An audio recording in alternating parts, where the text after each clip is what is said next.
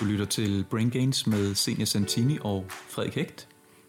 Vi prøver at holde hver episode på omkring en halv time, og således vil vi opfordre dig til at hoppe udenfor, gå en tur, mens du lytter til vores podcast. God fornøjelse.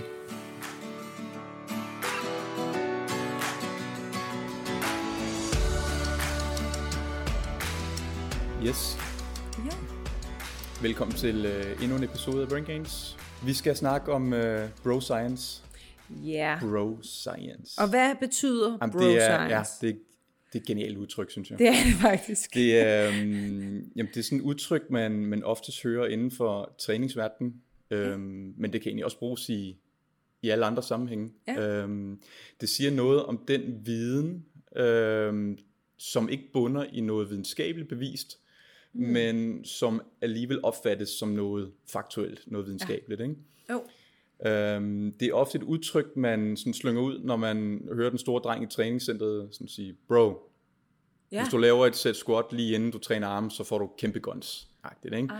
Eller hvis man hører sin veninde sige, øh, at man taber fedtet omkring maven, hvis man løber en tur, før man har spist morgenmad, fasted cardio, sådan nogle ting Mm. der. Ikke? Ja, ja, ja, ja. Øhm, det er sådan en ting, man har inden for, eller det, det er et begreb, man har inden for træningsverdenen og, og hele sundhedsverdenen for den sags skyld. Mm. Øhm, det er noget, man enten har læst, det er noget, man enten har hørt, og så man formidler det videre, men så viser det egentlig sig at være total misinformation. Ja. Langt hen ad vejen, ikke? Jo. Og et andet, måske sådan lidt mere fagligt ord for bro science, det kunne være sådan noget som pseudovidenskab. Ja. Altså det er noget, som lyder som, Mm. det lyder som, at det er videnskabeligt. Det er det bare ikke. Nej. Hvis vi nu skulle tage nogle eksempler på, hvad der kunne være bro science, ja. dem er der sådan rimelig mange af. Der er Ikke? rimelig mange, ja. Og det er jo også lidt det, vi gerne vil med det her. Det er jo sådan lidt at, at afmyte nogle af alle de her, øh, netop som du siger, sådan falske teorier, ja. som der florerer. Det er sådan lidt er en afmyte. Det er jo sådan lidt antonym for, for bro science, ikke? Jo, lidt. Øh, Øhm, Både sådan, det- hvad vi har oplevet personligt måske også, men også bare sådan, du kan jo godt lide, at der er sådan nogle, nogle rigtig videnskabelige fakta. Altså noget af det fedeste fornemmelse, det er bare at afmyte Ja, bro science. ja. Jamen, hvor er det godt. Jeg kan det mærke, er, at du brænder det, for det, det her. det kilder helt i maven, når man tænker. Ja, men det er godt. Men altså, hvad, hvad, for, et, øh, hvad for nogle eksempler har, har du på bro science? Jamen, jeg har, jeg har skrevet lidt ned. Ja. Øh, en af dem, som... Øh, en, en, som jeg tror er noget, alle har hørt om, mm. som man egentlig godt ved ikke er sandt, Ja, men som alligevel florerer Aha. hele tiden over det hele. Det er det her med, at man skal lave ekstra øvelser til maven for at få en sixpack. åh oh, ja. den har du hørt. Den, den har eksisteret i noget tid, ja. Det har den. Mm. Øhm, der er ikke noget hold i det. Nej. skal vi lige øh, hilse at sige. Øhm, om man har en sixpack, det kommer langt hen ad vejen an på din fedtprocent, hvor meget fedt du har på maven. Mm. Vi har alle sammen en sixpack. Det handler Ja. bare om, hvor meget ekstra overflødigt fedt, der er Ja. ud over sixpacken. Ikke? Jo. Øhm, så er der så noget som, at man skal have en proteinshake lige efter træning. Ja, fordi ellers så, øh, så bruger man jo faktisk bare alt det, man har på kroppen. Præcis. Bruger man alle, øh, så bruger man musklernes protein, og så Ja. bliver man endnu mindre, og så dør man. Ja, det er en voldsom... Øh, Sådan er det bare. mm, det er Og, øh, vigtigt. Ja, Det, er, det, det betyder jo, at den så er ret vigtig, den her proteinshake, kan man Ja, sige. ja. ja. Men hvordan hænger det sammen med virkeligheden? Det hænger sådan sammen, at øh, man, man snakker faktisk om det her anabolske vindue. Ja, Øhm, the, the um, anabolic opportunity, tror jeg også, man Ja. kalder det for. Øhm, og den går på, at når man træner, så er musklerne ekstra modtagelige over for proteiner. ja, Og det er, det er egentlig også, det er faktisk også sandt. Mm. Øhm, man er så bare gået så langt som at sige, at det anabolske vindue, det kun er åbent, det vindue, det står kun åbent lige efter træningen, sådan kvarter efter træningen. ja. Og så derfor man også ser en masse stå og kværke deres protein øh, shake i sig lige efter deres sidste sæt øh, biceps. Ikke? jo, øhm, det er der bare ikke rigtig nogen grund til. nej. For det her anaboliske vindue, det viser sig at være langt større tidsareal end mm. lige efter træningen. Ja, Så det man ved i dag, det er, jamen, så længe du bare får noget protein på et eller andet tidspunkt efter træningen, om det er en halv time efter, en time efter, et par timer efter, eller dit næste måltid, mm. om det så er så frokost eller aftensmad, eller hvad det nu bliver, det sgu sådan lidt underordnet. Ja. Og det, der nok er langt mere vigtigt, det er det proteinindtag, du har i løbet af hele dagen, frem for hvad du får lige efter træningen. Ja. Så øhm, det, er sådan, det, er, det er sådan en myte. Det er noget bro science, som, som igen stadig florerer i træningscenterne. Mm. Øhm, men som regel, altså, der er ikke rigtig nogen grund til at følge den regel der. Nej. Og man kan sige, altså lige efter træning, altså det sidste, jeg har lyst til, det er faktisk en proteinshake. Ja. Øhm, og jeg tror også bare, at der er mange, som... Altså jeg har selv, øh, jeg, jeg var faktisk, øh, da jeg begyndte at træne, der drak jeg både en shake før min træning og efter min træning. Og min shake efter min træning var ret vigtig, at jeg fik den sammen med noget kulhydrat. Øh, noget øh, riskiks med en banan på, eller et eller andet i den retning. Fordi det var noget med insulin, og øh, at insulin også øger muskelmassen. Øh, mener også, jeg har hørt noget med, Arnold har snakket om det på et tidspunkt. Så øh, det antog jeg jo for sådan rimelig valid, øh, hvad skal vi sige, postulat. Fordi Øh, Arnold, han er jo, Schwarzenegger, han er jo en, en stor gut. han, han Så ved han må noget vide, hvad han snakker om, ikke? jo, jeg tror faktisk også, det var det ikke noget med, at han sådan tog insulinshots øh, efter træningen. Der var et eller andet. Jeg tror, han skød det ind i maveskinnet. Ja, gjorde han ikke det? Jo, altså han, han, han, han fik lidt ekstra. Øh, og det vil vi selvfølgelig ikke anbefale nogen at gøre. Men, men, men der, var, der var i hvert fald noget med det her med, med kulhydrat og sådan noget der. Og øhm, nu kan man sige, at en ting er at forholde sig til forskning og videnskaben, men en anden ting er også ens personlige erfaring. Har du, øh, har du taget noget efter din træning, og har du prøvet ikke at gøre det, og har du kunne mærke nogle forskel? Sådan helt Ja, ja, jeg har gjort det hele. Jeg har jo øh, jeg har både kørt proteinpulver lige efter træning, stået øh, med shakeren der og prøvet at, Ja. at blande øh, pulveret op med lunken vand, og har stået og nærmest gylpet ud over det hele, Uh. øh, i håb om, at, øh, at musklerne kunne, kunne tage mere ind af den her protein her. Ikke? Jo, Øh, jeg har prøvet pre-workout, jeg har prøvet post-workout øh, supplements, øh, kreatin, jeg kørte det hele ja, simpelthen. ja, ikke? ja. Jo. Og øhm, man kan sige, øhm, der er nogle ting, der virker. Der er Ja. nogle ting, der slet ikke virker. Ja, Øhm, men fælles for den alle er, at det er ikke noget, der har en særlig stor effekt. nej, Det er det bare ikke. nej. Øhm, det, der har en meget stor effekt, det er det, som er ulovligt. Og det, som vi oh ja. helst ikke skal røre så meget af, eller røre noget af. nej. Det fraråder Øhm, vi også. Det fraråder vi på det stærkeste. Bare lad være. Øhm, men det, det, vi kan også lidt komme ind på det her med, hvad, hvad er problemet egentlig med bro science? Ja, Øhm, fordi de teorier, som vi karakteriserer som bro science, de er, de er jo opstået på en eller anden måde. Mm. De, de, er, de er opstået af en grund.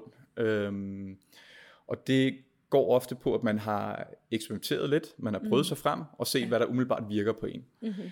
Eller også har man måske læst noget videnskabeligt, øhm, og draget nogle, øh, nogle andre konklusioner, og draget sine egne konklusioner ud fra det, man har Ja. læst. Men ofte bunder det i, at det her bro science her, det er altså noget, man har gjort sig, man har gjort sig nogle personlige erfaringer. Mm-hmm. Øhm, og selvom vi alle sammen går med en tro om, at vi, vi kender vores krop bedst, og vi ved, hvad der virker bedst for vores krop, så, øh, så kan det være et ret stort problem at stole på ens personlige erfaringer. Mm. Og man kan sige, at erfaringer, det giver os et hint om noget virker eller ej. Og det hint, det kan man altså bruge til at danne nogle hypoteser. Mm. Og de hypoteser, de kan, det kan man så undersøge mm. med mere sådan videnskabelige metoder. Ja. Ikke? Men altså personlige erfaringer i sig selv, det kan man umiddelbart ikke bruge som et særligt godt bevis for, om noget virker eller ej. Mm. Og det skyldes så sådan flere ting, men øhm, nogle af de her ting, det vil jeg sådan prøve at komme lidt ind på. Ja, fedt. øhm, en af de helt store, det er det her med, at der er nogle ukendte variabler. Når vi Ja. prøver en ting af, om det er kosttilskud, om det er en mm. bestemt træningsøvelse, om det er bestemt måde at spise på, øhm, så vil der være en masse ukendte variabler, der vil være en masse ukendte faktorer, øhm, som ligesom kan påvirke mm. resultatet i en eller anden grad. Det kunne, øh, nu nævner du selv, at du, øh, du har en klient, som lige startet på kreatin, Ja, det er rigtigt. Og øh, han, har, han har til og med tabt sig. Ja, han har tabt sig, ja. og han, er, han, øh, han, han har for det første været meget, meget spændt på det her kreatin. Øh, og så, øh, han havde også tabt sig, inden han begyndte på kreatinen. Han har så også tabt sig yderligere, efter han er begyndt på kreatinen. Men det, der er lidt af forskellen, det er, at han har en idé om, at kreatinen har været med til at være en medvirkende årsag til, at det her vægttab fortsætter, og han ikke har mistet så meget muskelmasse. Og jeg har advaret ham om, at det, her, det er altså noget, øh, jeg tog op med Frederik, sagde jeg til ham. Og øh, det var han meget interesseret i. Så, øh, så hvad, hvad tænker du om det? Altså umiddelbart kan man sige, det vil jo det vil være logisk for rigtig mange at konkludere, at det er kreatin, der har gjort, at han har tabt sig. Ja. Han startede på noget kreatin, han har mm. tabt sig, ergo må det være kreatinen, der Ja. har gjort, at han har tabt sig. Ikke? Jo. Men øh, hvis man tager de lidt mere videnskabelige briller på, så kan man faktisk ikke sige med sikkerhed, at det er kreatinen. Mm. Øhm, der kan altså være andre ukendte faktorer, som man ikke har taget højde for. Øhm, det kunne være, at din klient, han samtidig helt ubevidst er begyndt at stå mere på, på cross-traineren, han er begyndt at spise mindre, han har gjort nogle andre ting, som har gjort, at han har tabt sig, hvilket er den reelle årsag til, til vægttabet i Ja. forhold til, hvad kreatinen har gjort. Ikke? Det han så også tænker, øh, hvis jeg lige må tilføje det, det er, at han, øh, han tror også, at grunden til, at han ikke har mistet så meget muskelmasse, er på grund af kreatinen. Og der kan vel også være nogen... Det, det, er, det kan meget vel være rigtigt. Ja, men der kan vel også være nogle, nogle andre grunde til, at man ikke har mistet så meget muskelmasse Jo, øh, i løbet af trænet. de sidste to uger. Han har trænet, han har spist ordentligt. Øh, Ja. Han ikke øh, har levet, han ikke har, har snuppet sådan en crash diet, hvor du kun lever af, Ja, øh, af selleri øh, mm. i en hel uge. Ikke? Øh, og og de, de ting der, de faktorer, de vil have langt større betydning mm. end selve kreatinen. Og hvis du, kan du fortælle noget om, hvordan kreatin, hvad er den sådan, hvad, hvad skulle være grunden til, at man skulle tage det? Hvad er det, kreatin lover? Øh, altså hvis vi nu tager kreatin i, hvis vi nu snakker kosttilskud, mm. så er kreatin faktisk det bedste, man kan tage Nå, i forhold til de studier, der ligger bag det. Nå okay. Så kreatin, det er noget, der, hvis vi snakker om, hvad der virker og hvad der ikke virker, så Ja. er kreatin noget af det, der har vist sig at virke bedst Okay, det er alligevel Så- overraskende. i forhold til de studier, der er blevet lavet på det. Ikke? Aha. Øhm, så det, det kreatin gør, det er, at, øhm, at man kan performe lidt bedre, uden mm. det bliver sådan super videnskabeligt. Det gør, at man kan performe lidt bedre i sin styrketræning. Mm. Så lad os sige, at man normalt kan tage 10 sæt af 50 kilo bænkpres. Mm. Så vil kreatin gøre, at man måske kan tage 11 gentagelser eller 12 gentagelser i stedet for 10. Okay, Så man kan lige presse lidt flere reps ud af sin, mm. øh, af sin sæt, øh, hvilket selvfølgelig kan gøre, at man har en, et lidt større sådan respons på træning i forhold til, mm. til, til, til muskelmassen. Ikke? Okay. Øhm, det, er sådan, det er sådan det, der helt videnskabeligt, kreatin videnskabeligt set har vist sig at kunne. Aha. Øhm, med vægttab, der har det ikke rigtig noget på sig. Ej, Tværtimod, okay. man viser faktisk, at, at mange, der starter på kreatin, det vil have en væskeophobning og kunne Ja. tage lidt på af den, grad, af den, Okay, af den ja. grund der. Alright. Aha. Øhm, Interessant. Men og det, altså en lille krølle her, hvis, hvis man nu skulle starte med noget, øhm, med noget kosttilskud, Ja. så er faktisk kreatin det, det der er det mest undersøgte ko- kosttilskud. Okay. Så hvis man nu endelig skal tage noget, så er det kreatin, der giver mening mm. i en eller anden forstand. Ja. Men det er jo ikke fordi, at du bliver kæmpestor Nej. af den grund. Må jeg spørge dig, tager du noget kreatin? Øh, har gjort. Ja. Jeg gider ikke længere. Nej. Men det er jo egentlig meget sjovt, fordi jeg gider heller ikke tage af det der. Jeg kan godt putte noget proteinpulver i min smoothie og sådan nogle ting der, fordi jeg synes, det smager godt. Øhm, men jeg gider heller ikke rigtig at tage det som tilskud. Jeg kan have det som sådan en, hvad skal man sige, en, en nødration, hvis det er, at jeg tænker, at jeg hele dagen øh, skal ud og spise øh, vegetarisk eller på farten, og jeg er helt sikker på, at jeg ikke får øh, protein nok, så kan jeg godt tage det, fordi jeg vil være bevidst om, at jeg, jeg får noget protein, men det er slet, slet ikke på nogen måde noget, jeg tager, sådan som jeg gjorde i, i gamle dage. Gamle dage, siger jeg, øh, da jeg begyndte at træne. Men øh, hvad er der ellers af sådan noget bro science øh, filosofi? Hvis vi lige, uh, hvis vi lige kører lidt videre på ja. uh, de, uh, problemet med at basere sin, uh, problemet af at, at, at følge sådan bro science råd og følge sin egen erfaring og så videre. Ja. Det næste, det er det her med, at med en personlig erfaring, der er forsøgsgruppen, den er sådan rimelig lille. Mm. Altså sådan meget, meget lille, ja. som i, man har sig selv. Ja. øh, og øhm, igen, hvis man har taget et bestemt kosttilskud, hvis man har lavet en bestemt øvelse og konkluderet, at det her, det virker sgu, mm. så, øhm, og man så går ud og, og anbefaler det til alle, man kender, ja. det er sådan lidt et problem, fordi hvad nu hvis 100 prøver det af? Hvad nu hvis 1000 prøver ja. det af? Viser det så samme resultat, eller viser det så, at det resultat, man selv fik, bare var opstået af en tilfældighed? Ja. Det kan man jo ikke sige. Nej. Øhm, Nej.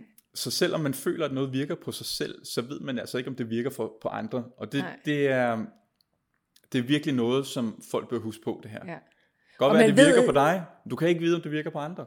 Nej, og man ved i princippet heller ikke, om det virker på en selv. Nej. Fordi som du selv siger, så kan der være nogle andre årsager, der er medvirkende til, ja. at man har en eller anden effekt. Så det er endnu en ting, ja. der gør, at man ikke rigtig kan stole på det resultat der. Ikke? Den sidste ting, jeg gerne lige vil komme ind på, og der er, altså man kan nævne tusind forskellige ja. ting, men jeg prøver lige sådan at tage de tre store. Ikke? Jo, Den sidste jo, jo. ting, det er det, vi kalder for bias. Ja. Øhm, og bias, det er, det er også det, vi kalder for en, at have en, en forudindtaget holdning. Mm. Så vi har en tendens til kun at, kun at lægge mærke til de ting, der understøtter de holdninger, vi har. Ah.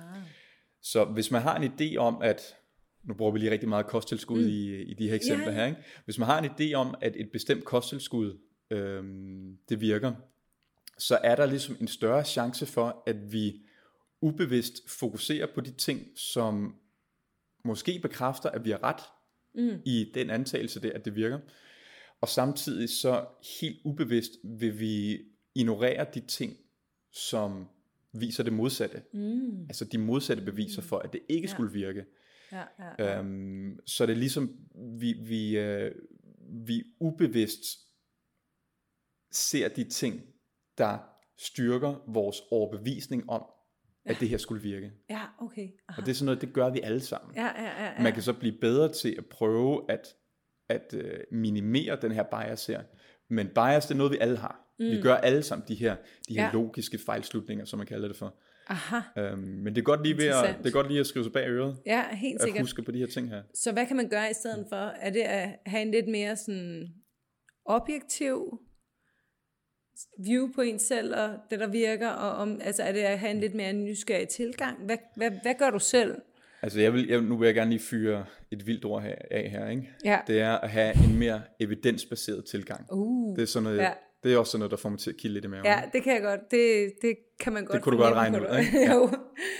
Og det, øh, og det vil altså sige, at vi har brug for, mm. vi har brug for noget videnskab. Ja. Vi har brug for nogle undersøgelser, der tester de her hypoteser igennem, Ja. og prøver at eliminere de fejlslutninger, mm. som man kan gøre sig, hvis man ellers selv skulle prøve at lave de her undersøgelser mm-hmm. på sig selv, bruge Ja. ja. sine egne erfaringer. Ikke? Jo, jo, jo. Øhm, nu kan der også være en masse problemer med, med selve videnskaben, og det er, mm. det er en, en rimelig lang snak. Øhm, men i bund og grund, så er, det, så er det rigtig smart at læne sig op af videnskaben. Ja.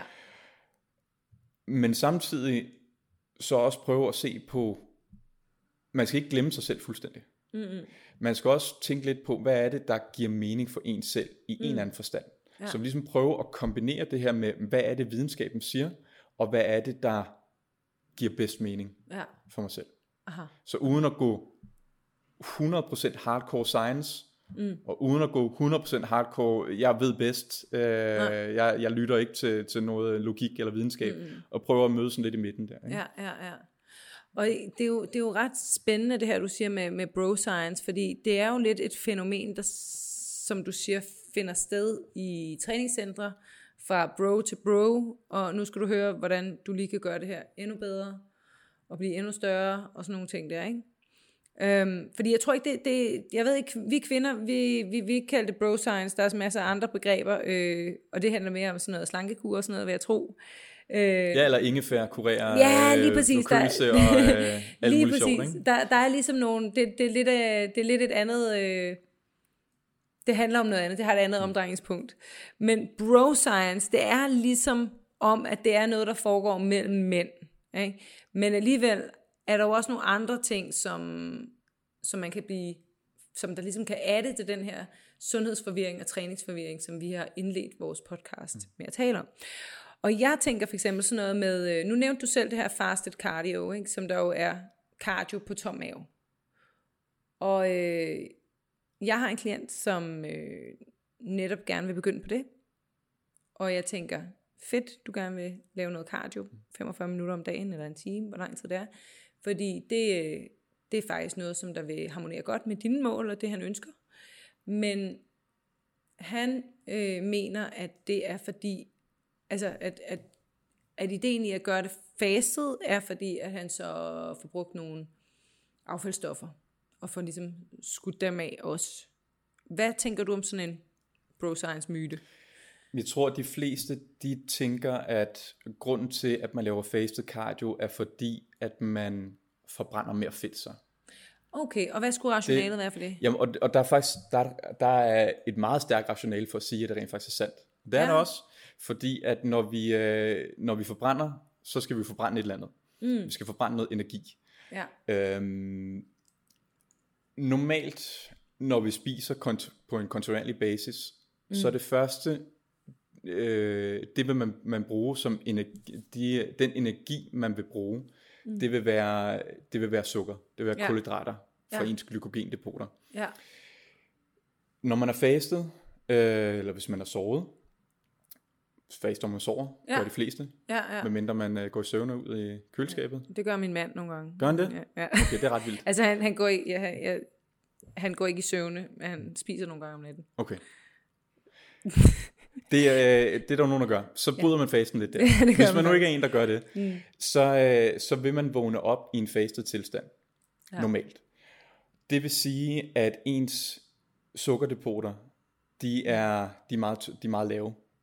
Så man skal, hvis man begynder at lave noget fysisk aktivitet, øh, så skal man finde energien et andet sted fra. Mm. Og den energi, det vil så være for fedtdepoterne. Ja. Og det er der ikke noget kontroversielt i at sige. Øh, man skal finde noget energi et eller andet sted fra. Mm-hmm. Og det vil så også sige, at når du begynder at, at, øh, at øh, lave noget, noget træning, lave noget, noget løb, øh, stå på, på øh, cross-trainer eller hvad det nu er, mm-hmm. øh, og forbrænde noget energi, jamen, så vil det være fedt, du forbrænder. Mm-hmm. Så det er jo så meget nærliggende at så sige, at så fordi at du er fastet og begynder at forbrænde fedt, så vil det også sige, at man ja. overordnet set, så taber mere fedt, ja. end hvis man ikke var fastet. Ja. Det giver sådan, det, det giver egentlig meget god mening at sige ja. på den måde. Men jeg har på fornemmelsen, du kommer med... Der er, et... der er en lille krølle her, ikke? der jo. er ret stort men. Når man så laver studie på det, mm. hvor man har to grupper, den ene gruppe laver noget cardio, mm. fastet, og den anden gruppe laver noget cardio, hvor det ikke er fastet, mm-hmm. øh, og man ligesom har justeret for den mængde træning, den, den mængde cardio, de laver, og meget de spiser osv., så, mm. ser man ikke nogen forskel i, hvor meget de forskellige grupper, de taber sig af fedt. No. Så der er overordnet set, så er der ikke nogen forskel. Det kan godt være sådan in the moment, at ja. den ene gruppe forbrænder mere fedt, men hvis du ser over en længere dag, en længere periode, så vil det ikke være nogen forskel. Nej. Fordi kroppen skal nok justere for det øh, senere hen. Så selvom okay. du har forbrændt mere fedt, når du er i gang, jamen, så vil den mm. justere mm. senere hen. Ja, og, og sørge det, for, at det sådan går op i det samme. Ja, så kroppen vil vel altid søge en eller anden form for ligevægt? Det, det kan man godt sige i en eller anden forstand. Ja, okay. Det vil også være forkert at sige, at man over længere sigt, over en mm. betydelig øh, periode, vil forbrænde mere fedt. Nu, nu taler du også om det her med variabler. Mm. Kan det også tænkes, at hvis man, lad os, lad os sige, motionerer på fastet mave, øh, har mindre energi, og derfor forbrænder mindre, end hvis man havde spist et måltid, tog ned og løb, gjorde det samme, men måske kunne have mere energi, og så derved faktisk ender med at bruge mere energi hen over tid. Jo, det er klart, altså hvis du ikke har lige så meget energi, når du er i gang med mm. den træning, du laver, cardio eller hvad det nu er, øhm, og det så går ud over din, din ydeevne, altså ja. du ikke kan give dig lige så meget, jamen så får du heller ikke lige så meget ud af det. Nej, det vel. Jo. Fordi jeg tænker, der, det er jo igen sådan en ting, som der måske ikke bliver taget højde for, når det er, man så snakker om fastet cardio i forhold til, hvis man havde spist, altså den energi, man bruger ens efterforbrænding, alle de her andre ting, som der kan have en effekt på sigt, og muligvis også derfor, at de her to, nu kender jeg ikke lige det forskningsforsøg, men at det betyder, at tingene faktisk er nogenlunde ens mm. efterfølgende. Men okay, altså det var det. Vil du faste, øh, inden du lavede cardio? Nej, fandme nej, mand. Nej, vel? Det lyder frygteligt. men, men når det så er sagt, øh, så kan man sagtens gøre det. Ja. Det, det, er jo, det er jo det fede, det her med, at mm. øhm, det er langt mere nuanceret, end bare Ja. at sige, det, at, at man skal gøre sådan her, eller det her, det er det bedste. Ja. Det vil sige, at det, øhm, det er subjektivt. Hvis Ja. man har det godt med at lave sin morgentræning mm. før morgenmaden, så gør man det. Ja. Hvis man ikke har det godt med det, så lader man være. Ja, lige præcis. Det synes jeg er en, en rigtig god øh, indstilling, du nævner der. Fordi det er jo virkelig, altså man kan sige, hvis man gerne vil lave noget cardio, og man tænker, at det er morgenen, det passer bedst, jamen så kan man jo vælge at gøre det, hvis det passer ind i ens livsstil. Ja, og hvis man ikke har det godt med at spise morgenmad lige inden øh, Ja. sin træning, jamen, så gør det lige efter. Jamen, det giver god mening. Altså, jeg har det personligt sådan, jeg er ikke så glad for, hvis jeg skal træne lige efter, jeg har spist. Så jeg vil nok være en af dem, der godt ville kunne gå ned og lave altså meget øh, rolig træning om morgenen. Jeg vil ikke kunne øh, løbe, jeg vil heller aldrig løbe, men altså, jeg vil godt kunne gå en tur om morgenen på tom mave, men, øhm, men igen, altså, og det er jo også igen, fordi jeg vil foretrække ikke at have spist lige inden min træning. Så det, det synes jeg faktisk er en ret god, øh, det er en god pointe, du har der. Og det, øh, det er jo igen det her med, at det kan godt være, at videnskaben siger, at der ikke er, der ikke er nogen grund til at træne på tom mm. mave. Det giver bedre resultater. Men hvis det nu virker for en, mm. så skal man da gøre det. Ja. Øh, og, og det er det, jeg prøver at sige med, at vi gerne må prøve at forbinde virk, øh, videnskaben, hvad Ja. de videnskabelige studier siger, forbinde det med, hvad man har præferencer. Det synes jeg lyder Og så rigtig prøve at godt. se, om man kan få de der to ting til at forene sig. Ja, super fedt. Det, det er jeg totalt tilhænger af. Helt sikkert. Jeg tror også, at det, der kan være problemet, det er det her, netop som du siger, hvis man udlægger det som den fuldendte sandhed, at så skal man øh, lave træning på, øh, ja, på fastet mave. Ikke? Og jeg tror, altså nu er der jo flere ting i det her bro science, fordi den anden ting, som jeg stødte på rigtig meget, det var sådan noget med ens split, altså ens træningssplit, hvad hedder sådan noget, øh, ens fordeling af, hvad for en motion man skulle lave, hvornår, altså der lyder den tit på sådan noget med bryst, Mandag, mandag der er det, er det ikke, er det mandag, eller, er det mandag, der er International. Chest Day? Jeg tror Ja. det nok. Der, der er i hvert fald rift om, øh, om, om bæ- bænkpres og sådan noget maskinerne nede hos mig om mandagen. Og så er det sådan noget, så er det tit, at det bliver ligesom delt op i de her fem øh, forskellige, så er det måske dagen efter skulder og ryg, øh, det vil nok ikke ligge lige efter bryst, men så kan det være ben dagen Så efter. man deler, man deler hver træningspas op i en bestemt muskelgruppe. Ja, ikke? Så mandag præcis. bryst, tirsdag ben, Ja, onsdag mave. Præcis. Noget i den retning. Hvor, meget, øh, hvor, hvor vigtigt er det, at man går op i det? Og det, øh, det er altid svært at svare på, uden at mm. komme med en, øh, med en meget lang forklaring. Ja. Øhm, hvis vi nu skal tage det sådan helt, helt overordnet set, mm. så vil det sandsynligvis give rigtig god mening for langt de fleste at lade være med at have sådan en høj split. Ja, At lade være med at sige, nu træner jeg skulder den ene dag, nu træner jeg ryg den anden dag, nu mm. træner jeg ben den tredje dag. Men i stedet for at se, om vi kan skrue lidt ned for splittet, og træne mere kroppen mm. den pågældende træningsdag. ja, Så måske hvis, øh, igen helt overordnet set, der kan man se, at det virker ret godt at træne en bestemt muskelgruppe mindst to gange om ugen. ja, Og hvis man har et meget højt split, jamen, så vil man sandsynligvis kun nå at træne det en gang Ja. om ugen. Godt være lidt, øh, lidt sådan overførbarhed fra, for eksempel hvis du træner skuldrene, der også rammer lidt bryst. Mm. Men, øh, men i bund og grund, så vil du, så vil mange kun have en, øh, en mm. frekvens, ja, eller en frekvens på en per muskelgruppe. ja, Øhm, og der ved man, at der vil man sandsynligvis få mere ud af det, hvis man skruer lidt ned for frekvent, mm. for, skruer lidt ned for, øh, for splittet, ja. og, øh, og dermed rammer den pågældende muskelgruppe flere gange om ugen. Og det, man, det jeg har hørt omkring det her bro science, det er jo så, at så giver man ikke kroppen den rette mængde restitutionstid, hvile.